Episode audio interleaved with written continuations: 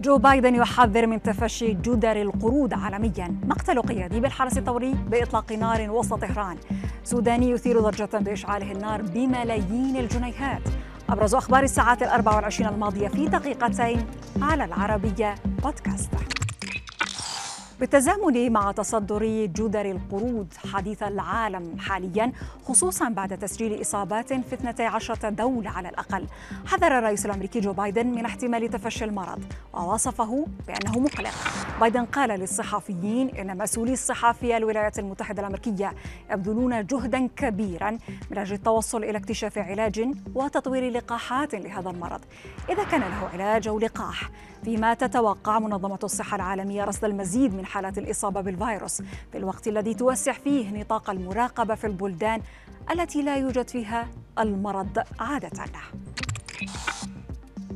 أعلن الحرس الثوري الإيراني مقتل العقيد صياد خدائي بعملية إطلاق نار وسط طهران وقعت اليوم بيان للحرس الثوري أوضح أن الضابط القتيل تعرض لإطلاق نار في أحد الأزقة المؤدية إلى شارع مجاهدي الإسلام في طهران فيما أكدت مصادر لوسائل الإعلام المحلية أن خدائي الذي عاد من سوريا مؤخرا قتل بخمس رصاصات أطلقت عليه من دراجة نارية يقودها مجهولان في الشارع ذاته وبالقرب من منزله مشيرة إلى أن زوجته عثرت عليه غارقا بدمائه وأبلغت عن الحادثة.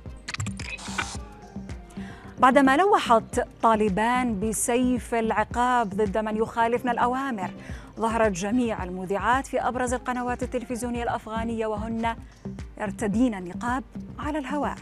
وكالة فرانس بريس أوضحت أن إعلاميات قاومن في البداية قرار وزارة الأمر بالمعروف والنهي عن المنكر بمنع ظهور أي امرأة بلا نقاب على الشاشات في أفغانستان.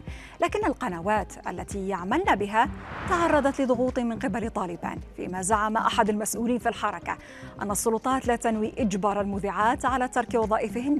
مؤكدا أن الحركة سعيدة لأن القنوات مارست مسؤوليتها بشكل صحيح وفق تعبيره. في حدث وصف بالتاريخي أتمت شركة طيران فلاي أديل السعودية أول رحلة لها بطاقة من جميعه من النساء. شركة الطيران منخفضة التكلفة والتابعة للخطوط الجوية السعودية. أوضحت أن طاقم الرحلة التي أقلعت من العاصمة الرياض متوجهة إلى جدة مؤلف من سبعة أشخاص كن من النساء. بما في ذلك مساعدة قائد الطائرة ما عدا الكابتن التي كانت امرأة أجنبية.